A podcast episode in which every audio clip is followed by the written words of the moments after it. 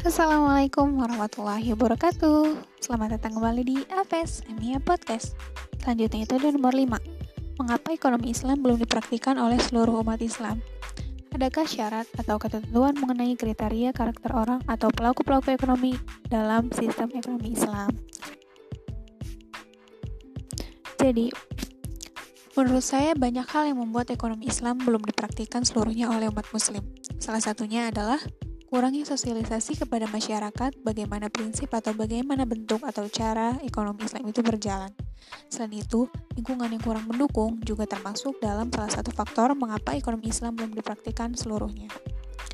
Adapun syarat pelaku ekonomi Islam sendiri menurut saya itu tidak terlalu spesifik, ya seperti biasanya, yaitu dapat berlaku adil, jujur, mukallaf yang sudah mengerti hukum, atau sudah dapat membedakan antara yang baik dan yang tidak, atau balik. Mungkin itu saja. Terima kasih. Selamat datang kembali di Apes.